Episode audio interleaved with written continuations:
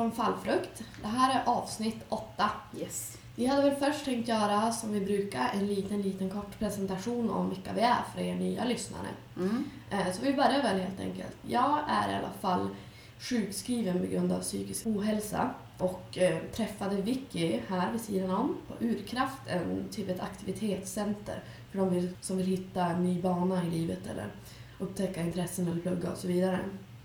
Vill du berätta lite om dig? Eh, Jag är också sjukskriven då jag också är på Urkraft som ligger i Skellefteå också, måste vi nämna. Ja, kanske vi borde göra. Ja, nu, har vi gjort det i alla fall. Ja, motvilliga Skellefteåbor men. Ja, ehm, Vi teamade upp i alla Mm. fall för att börja på ett nytt projekt, att göra en podcast om just det som är relevant för oss, psykisk ohälsa. Eh, Men även lite grann om livet och hur man tänker och funderar kring saker som händer här i samhället. mm. Så det är därför vi har nu kommit in på vårt åttonde avsnitt som handlar om kontrollbehov. Japp, och varför gör vi nu ett avsnitt om kontrollbehov? Det kan Sara förklara för hon lider av ett extremt kontrollbehov. Ja, eh, jag visste väl redan lite grann att det här var ett problem för mig i mitt liv. För det är så pass extremt. Men jag blev påmind mycket av det eh, när vi började göra den här podcasten. Det är ju ett helt nytt projekt. Vi visste inte vad vi gjorde i början men vi vet väl fortfarande inte riktigt det. Och det har ju genererat extremt många ångestfyllda stunder. När man inte vet hur man ska göra och man har mycket erfarenhet av att ha varit tvungen att hoppa av och grejer och varit utbränd. Då blir man ju väldigt kontrollerande. Man, eh, man vill kunna veta hur man ska göra allt. Man vill inte att andra ska vara och säga... Man ska inte vara beroende av andra tekniskt, kreativt, eh, jobbmässigt, Mm. målmässigt. Eh, Man vet som inte vart det här kommer att leda och hur man tar sig dit och vad man ens vill. Det blir mycket tänk om och tänk hur och vad och ja, hur som helst så har det gett mig väldigt, väldigt mycket prestationsångest och stress och domedagstänk och frustrering över att andra inte gör saker när jag vill. Eh, Så det är väl egentligen varför vi kom in på det här ämnet. Mm. Jag menar, kontrollbehov eh, det kan ju yttra sig på alla plan här i livet. Socialt, relationsmässigt, utseendemässigt, psykiskt, man vill ha kontroll på sin hjärna och ja, hundra olika grejer som vi kommer att gå in på lite senare i alla fall. Men hur tänker du, Vicky, kring kontrollbehov? Har du upptäckt några? Eh, Jag trodde att jag inte hade några, men nu när vi har gjort det här, suttit och pratat om det här programmet när vi ska göra det och skrivit ihop lite manus och ja, så har jag upptäckt att jag har ju faktiskt ganska mycket kontrollbehov. Jag trodde jag var mer chill än vad jag är, men tydligen så är jag lite neurotisk där. Bland annat eh, nya miljöer skrämmer mig fruktansvärt mycket. Så att om jag ska på ett nytt ställe så ska jag kanske behöva en karta på själva byggnaden eller en bild på parken jag ska träffa någon i eller sådär för att eh, lugna ner nerverna lite grann. Och sen det här med att förändra rum, rumsförändring. Vi har byggt om i studion ganska nyligt och det tog ett tag för mig innan jag vande men det kändes inte alls okej från början. Men nu har jag lärt mig att så här ser det ut. Och hemma så vill jag inte möblera om så mycket eller ändra så mycket. Och, för det känns, det blir fel i huvudet helt enkelt. För att då tappar jag kontrollen för en stund i alla fall. Och sen det här med nytt folk är jävligt jobbigt också. Då har man ju ingen kontroll alls över vad de tycker och tänker och säger och känner. Så Mm. då skulle jag behöva egentligen en videosnutt på alla som jag ska träffa. Så, där, så att jag vet hur de rör sig, hur de pratar, verkar de sympatiska eller är det någon som jag ska hålla mig undan ifrån? Det blir inte lika läskigt då tror jag. Man vill eh, göra dem mer mänskliga. Mm, mm. Annars är de som bara, jag vet inte, läskiga. Ja, speciellt myndighetspersoner, de är uh, Ja, de fortsätter vara läskiga oavsett vad de säger. Ja, i och för sig, men en del ler faktiskt när de säger något. Ja, det är ju en stor hjälp, Ja. måste jag säga. Och sen har jag min städdag där som är jätteviktig. På torsdagar mellan 14 och 17 skall det städas. Annars blir det fel i mitt huvud. Och jag måste ha rutin på det annars så tappar jag kontrollen helt. Ja, det här har lett mig till lite social fobi, allt det här med nya miljöer och nytt folk och så. Så liten insikt har jag kommit fram till i alla Ja. fall. Ja, insikt. Så det är väldigt många som drabbas av social fobi, skulle jag vilja påstå. Mm. Och det är ju för att det är ett så pass okontrollerbart ämne, hur jag nu ska uttrycka det. Mm. Det innebär ju att andra människor är involverade. Mm. Och jag tror att många som lider av det är ultrakänsliga Mm. för kanske kritik eller ja, de har väldigt lågt självförtroende och självkänsla. I alla fall så är det för mig. Ja. Mina kontrollbehov, de är så galna, speciellt vad gäller det här sociala, att de överskrider vad jag fysiskt kan kontrollera. Mm. Så jag kan kontrollera min egen lilla miljö i min lägenhet och vad jag gör men jag kan kontrollera andra. Och det mesta jag kan göra är egentligen det som jag gör hela tiden, det är att jag tvångsmässigt analyserar situationer och folk för att försöka ta reda på hur, vad de tycker och tänker om mig och vad de kommer att göra, vad de Mm. är kapabla till att göra. Mm. Så jag vet hur jag ska anpassa mig eller hur jag ska, vilket intryck jag ska göra för att de ska uppfatta mig som jag vill att de ska uppfatta mig helt enkelt. Ja, det är inte så Eh. Och på ett bra sätt. Jag känner att jag vill maskera alla mina fel för att jag känner mig så låg inuti. Mm. Det är ju i princip omöjligt för man kan ju inte veta vad andra tycker men det känns som att om jag bara tänker tillräckligt mycket och om man analyserar det, går in på det här problemsökandet, då är jag mer säker. Då blir man ju mer, man blir tyst för att man tänker att om jag är, har så många fel på insidan, då är det bättre att jag bara låter dem inte få ett intryck av mig alls. Mhm. Men i alla fall, eh, vad gäller det här med att göra intryck så har jag tidigare i ett program gått in på att jag har ätstörningar och haft det under väldigt, väldigt, väldigt många år. Och eh, det är ju som många vet också en kontrollgrej. Eh, och jag kan ge ett exempel på det här som jag har tänkt på lite grann. Jag har känt mig värdelös överhuvudtaget prestationsmässigt, socialt. Jag som varit i en kategori loser. Så har det varit i alla fall. Mhm. Och jag har känt mig dessutom ful och fet också. När jag var då yngre och funderade på att banta, jag hade som alltid tänkt sånt skulle jag aldrig kunna klara av. Jag menar jag har inte självdisciplinen, jag är bara lat och jag är loser och det är bara de här successful people som är smala, de som sportar och som umgås med vänner. Jag vet inte, jag fick bara för mig att jag naturligtvis är dålig på att liksom hålla mig från kakorna. Eh, Och jag har som sett min mamma hålla på och banta genom åren som hade väl gått upp och ner lite grann. Mm. Och jag tänker, ja, men om hon inte kan banta, då kan väl inte jag banta. Eh, Men sen plötsligt bara känna att nej fan nu är det nog, nu ska jag ge ett jävligt bra försök. Jag har inget att förlora. Och då gick jag på en slags crash diet för jag, jag har inget tålamod, jag, allt ska hända snabbt och intensivt. Mm. Jag har alltid sagt att jag har tålamod som en femåring och det, det har inte riktigt blivit något bättre. Det kan folk här på Urkraft vittna om. Ja. Eh, Men i alla fall. Men då upptäckte jag att det var ju skitlätt. Jag rasade i vikt och jag kände mig för första gången hög på kontroll. Alltså totalt hög. Läskigt. Ja, alltså det var läskigt. Det var världens euforikänsla. Är att det var ingen som kunde styra mig där. Det, det, det enda som hade kontrollen, det var jag. Det var ingen annan. Socialt kunde de frysa ut mig och rata mig i sin... Och jag kunde fortfarande inte vara bra på fotboll. Mm. Men att banta, det hade jag helt ansvar för. Och det funkar ju. Och det var någonting som jag lyckades med och jag kände mig ju smalare. Ja, till slut gick det ju lite åt helvete. Man förlorade kontrollen över den situationen och det skulle jag kunna gå in på supermycket i detalj. Men det är i alla fall en av eh, aspekterna vad gäller kontroll Mm. som jag hade tänkt belysa.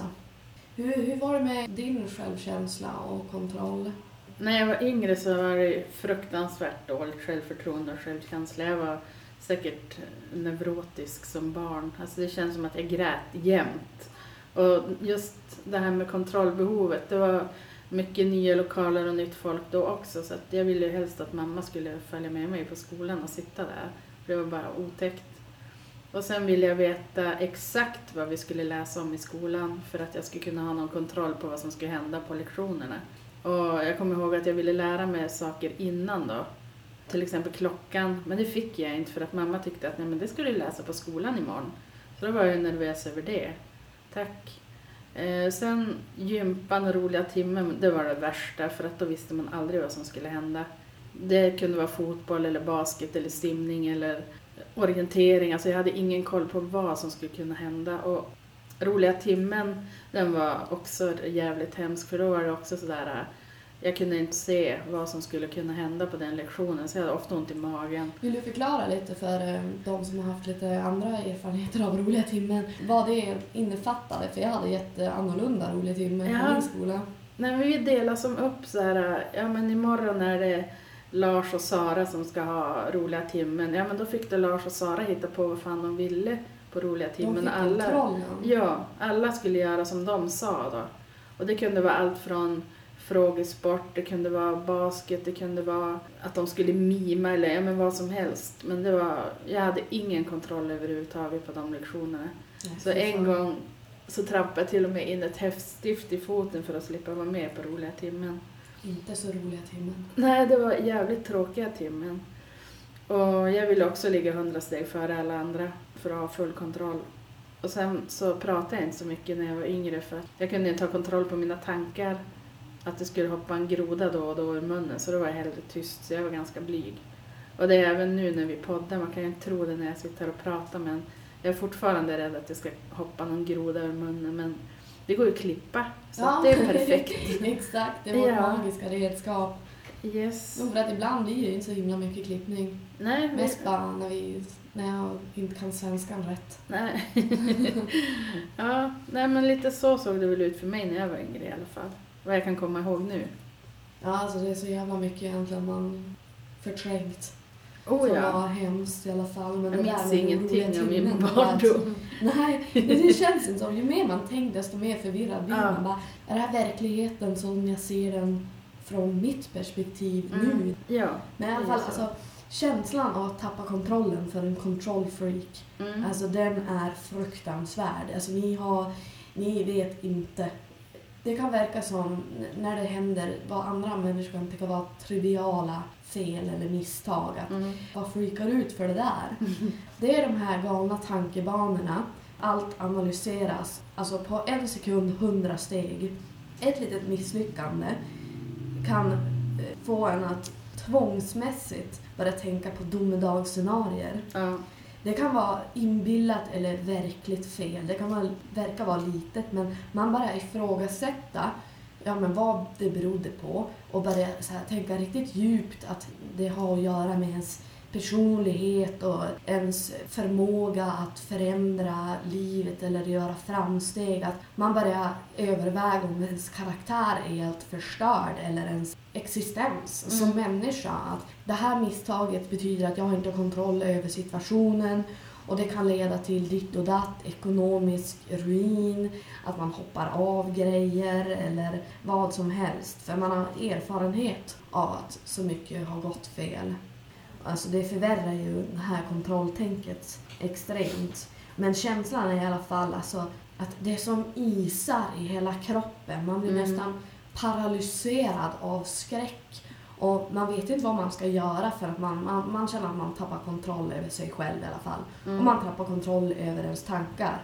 Man, man kan inte riktigt tänka rätt. Man vet inte vad som är verkligt och vad som är overkligt nästan. Inte, nu menar jag, alltså inte kanske schizofrent. Nej, inte men, så psykosvarning. nej, utan- inte psykosvarning, Nej. men bara panikångest egentligen. Mm.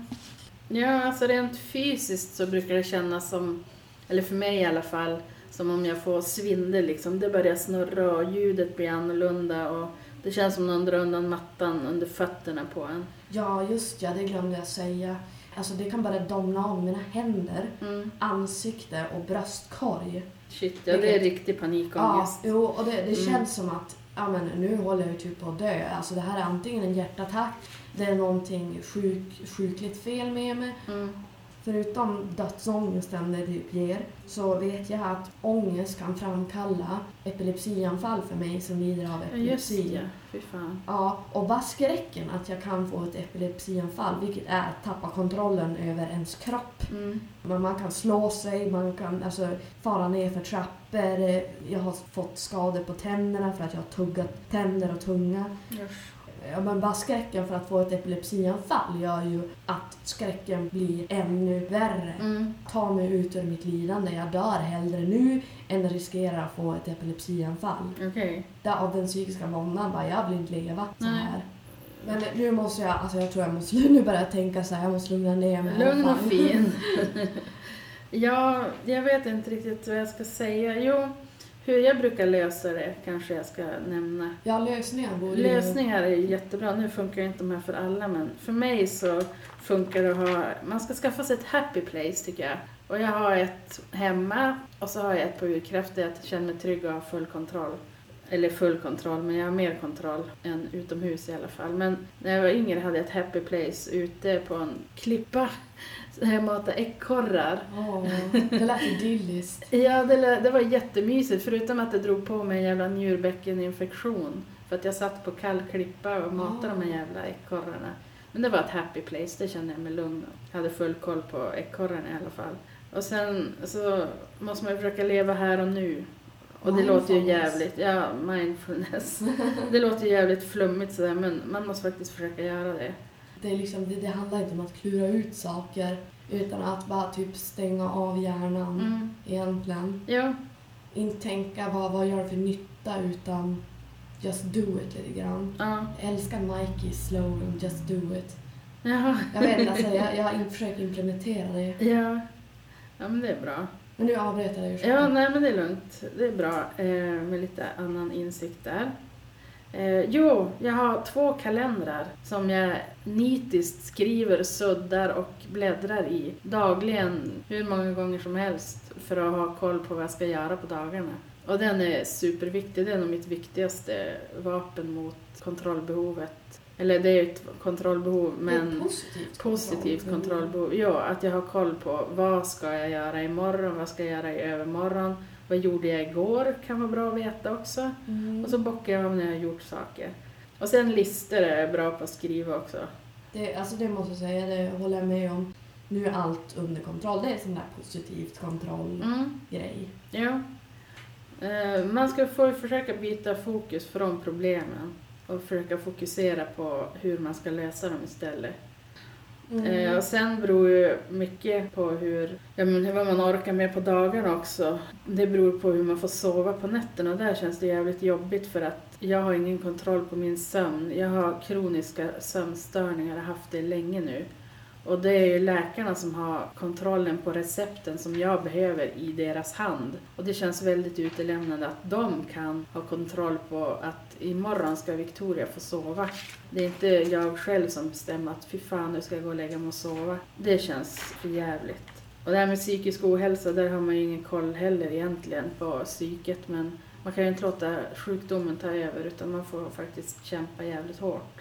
Ja. Jo, alltså jag, jag går också på sömnmedel och alltså det, är så- det är så frustrerande Mm. och stressande det här med att andra har kontrollen över en sömn för det är exakt vad de har. Om man inte kan sova, jag menar det är det ingenting man kan bestämma över. Man kan försöka göra allt för att det ska bli lättare att sova men är man i behov av sömnmedel då måste man gå via en läkare Mm. som då kan bestämma att inte ge ut sömnmedel av nu vilken anledning.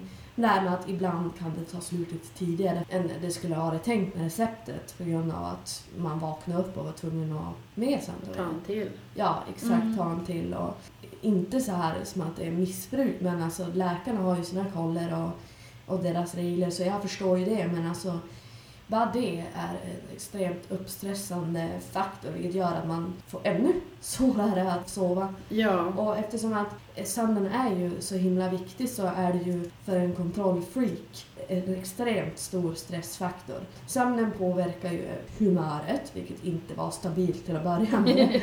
Det påverkar arbetsprestationen.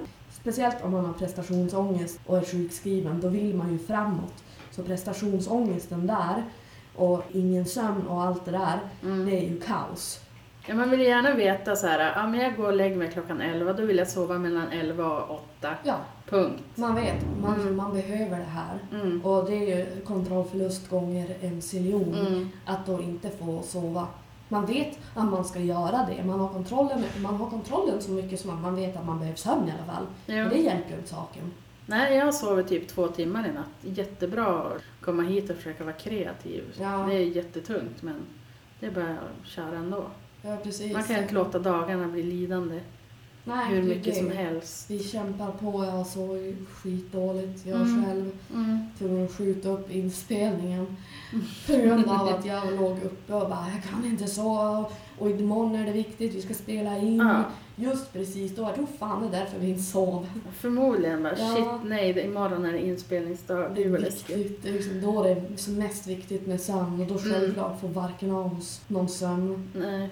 Eh, Till slut blir man ju så utmattad av alla de här kontrolltankarna Mm. så att man, man orkar inte tänka. Man kan gå runt och göra grejer men man kan inte fokusera. Nej.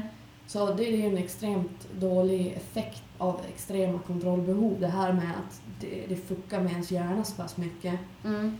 Du pratade tidigare om hur du hanterar när du får extremt mycket ångest vad gäller kontroll i livet. Mm. Och ja, en grej är ju att ha så mycket jävla ångest över det så att man blir helt dum i huvudet. Men eh, jag har väl några små metoder då. Ja. Som du nämnde också, det här med att organisera grejer, att skriva upp listor vad jag ska göra för att känna att man vet vad man ska göra, man vet vad man kan göra. Det är inte massa om och men utan det här är listan och jag kan följa den. Mm. Jag vet vad som händer. Mm. Det är ju också en mental distraktion. Eller vad sa jag? Mental uppskjutning slash distraktion. Ja.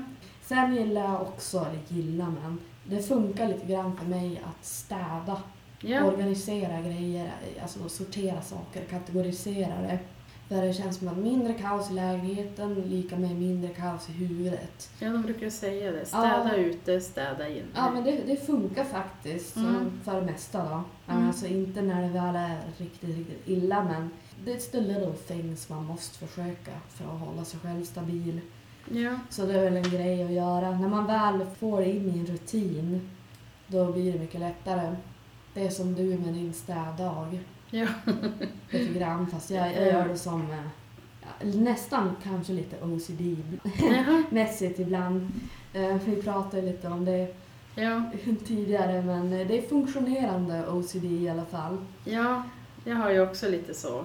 I alla fall när jag handlar så måste jag prata högt för mig själv. Eller lagom högt så inte folk tror att jag är galen på riktigt. Men, ja men såhär, ja får se bröd, ja check, ja får se tre bananer ska jag ha, mm, ja då köper jag tre bananer. Så där går jag omkring och mumlar när jag handlar. Och så sen det här när man ska gå hemifrån. Det är det jobbigaste. Gud. Vad finns i väskan? Är mobilen med? Plånkan ska vara med? Nycklarna ska vara med? Och så snuset förstås. Ja, herregud Och ja. jag har en sån här äh, hallmatta som jag fick av mamma där det står plånbok, mobil och nycklar på. Så jag ser ju den varenda gång jag ska gå ut genom dörren. Så Det var den, roligt. ja, det var omtänksamt. Ja. Hon vet att jag är virrig. Spisen också känner jag är lite OCD-varning på. Att jag måste kolla den och prata högt när jag kollar den så att jag kan minnas det efteråt när jag har gått ut genom dörren. Att jag vet att jag har pratat högt och sagt att spisen är av.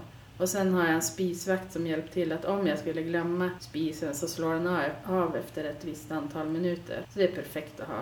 Alltså jag skulle ha haft det egentligen för det är Mm. någonting som riktigt kan besvära mig. Mm. Jag tror att jag har koll för att jag brukar vara väldigt noggrann ändå med allt man ska ta med sig.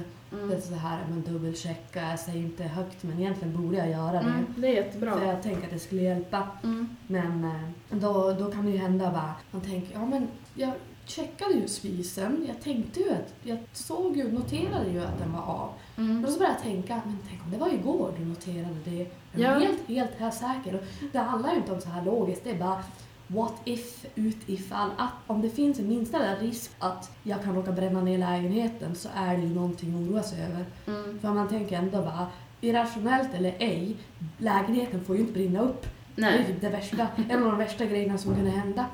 Det är en grej att, att jag kan tänka att tänk om jag inte har låst dörren. Mm. Tänk om jag har lämnat den öppen till och med. Mm. Liksom att jag var virrig i huvudet. Jag vet att jag är virrig i huvudet ibland. Och samtidigt vet jag att jag är väldigt noggrann. Så det här är inte rationellt. Men det är kontrollbehoven blir lite OCD. Mm. Sen har jag den här grejen med att jag ständigt är rädd att mina saker ska så här, tvinga sig ut ur mina fickor och väskor och ja. springa, springa förbi. Nej, men Jag måste alltså kontrollera mina väskor, och, eller min väska och mina fickor obsessively.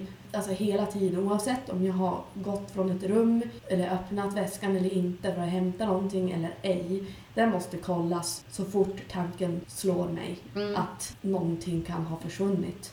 Det här är bara irrationellt, jag vet, men jag har haft erfarenheten av att jag har blivit bestulen och det, det har satt sig Ja, det förstår jag. djupt. Även om det var en isolerad händelse. I lägenheten då eller? Nej, Nej. inte lägenheten faktiskt. Ja, Eh, utan, utanför, men Ja. eh, jag blev bestulen i alla fall.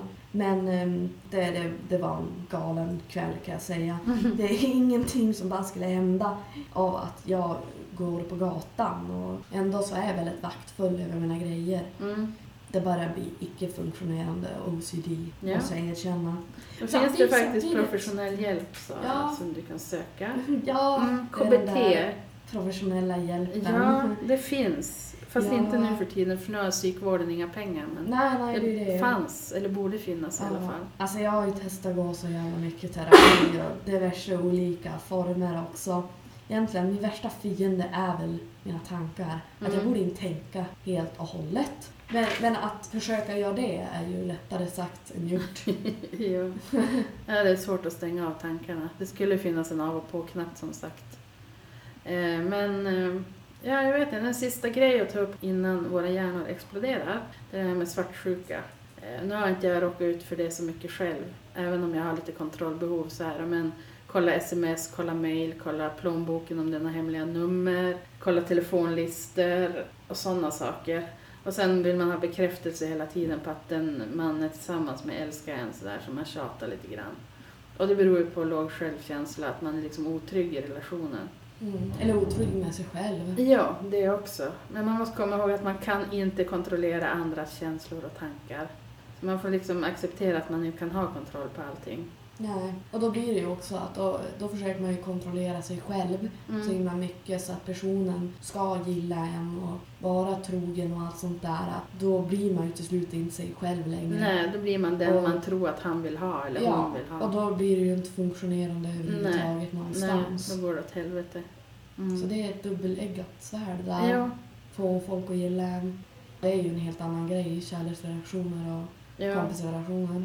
Man kanske ska bara bli så där jävla elak för då har man kontroll på att ingen kommer att tycka om Ja.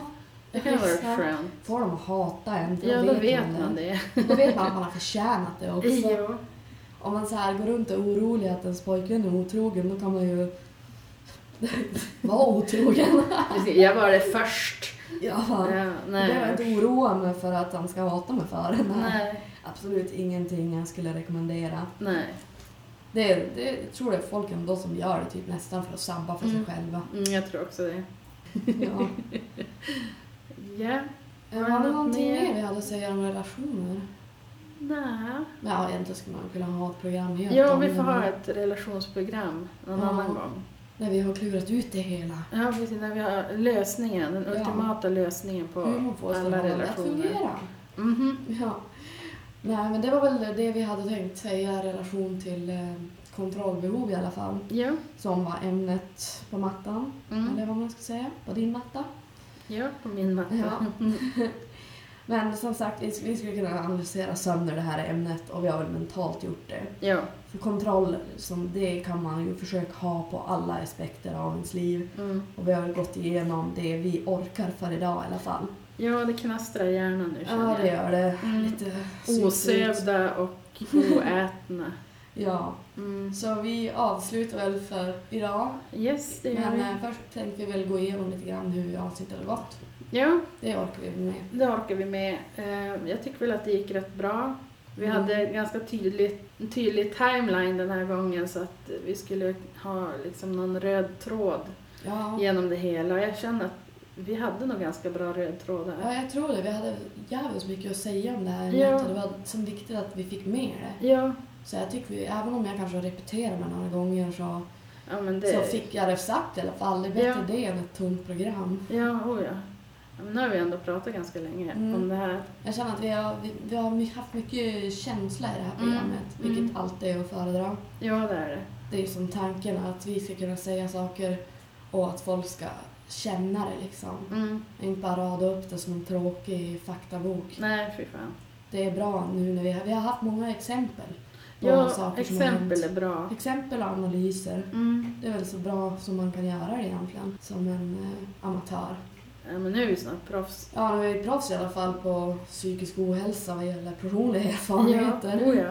Så vi får väl eh, ta och vara nöjda tills Ja. vi börjar klippa. ja, men då slår jag av nu. Mm. 拜拜。